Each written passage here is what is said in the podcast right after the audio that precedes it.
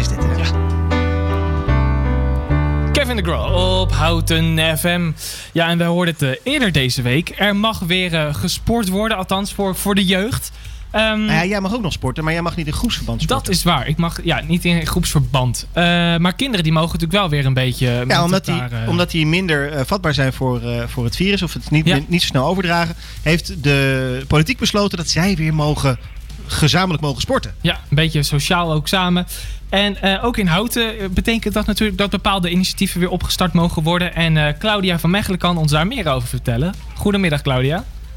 Goedemiddag. Je bent van het uh, Sportpunt Houten. En ik denk dat je dinsdag erg blij voor de televisie zat. ja, ja en nee. Want ja, voor zeker dat het voor de kinderen weer super fijn is dat ze straks weer met elkaar kunnen gaan sporten.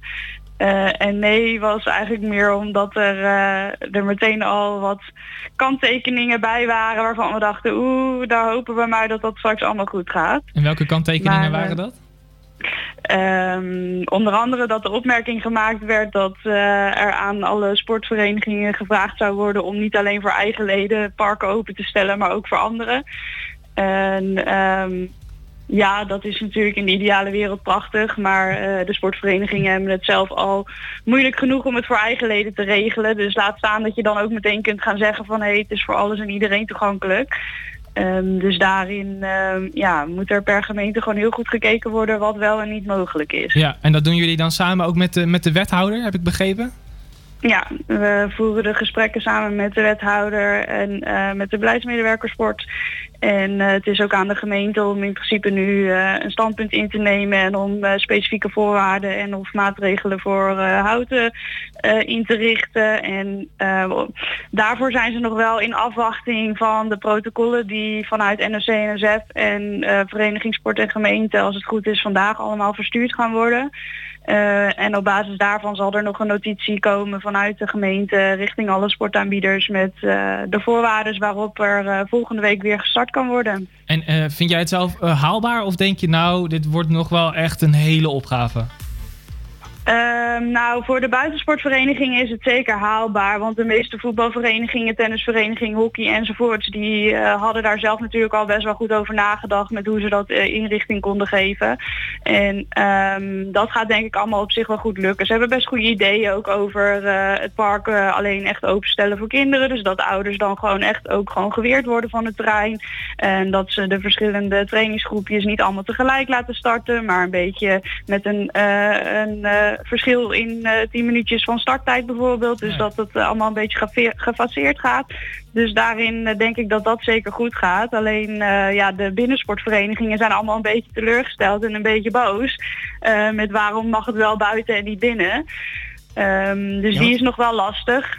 En dat betekent wel dat veel aanbieders creatief kunnen zijn om nu wel iets buiten te gaan doen. Ja. Maar snap jij dat het verschil gemaakt wordt tussen binnen- en buitensporten?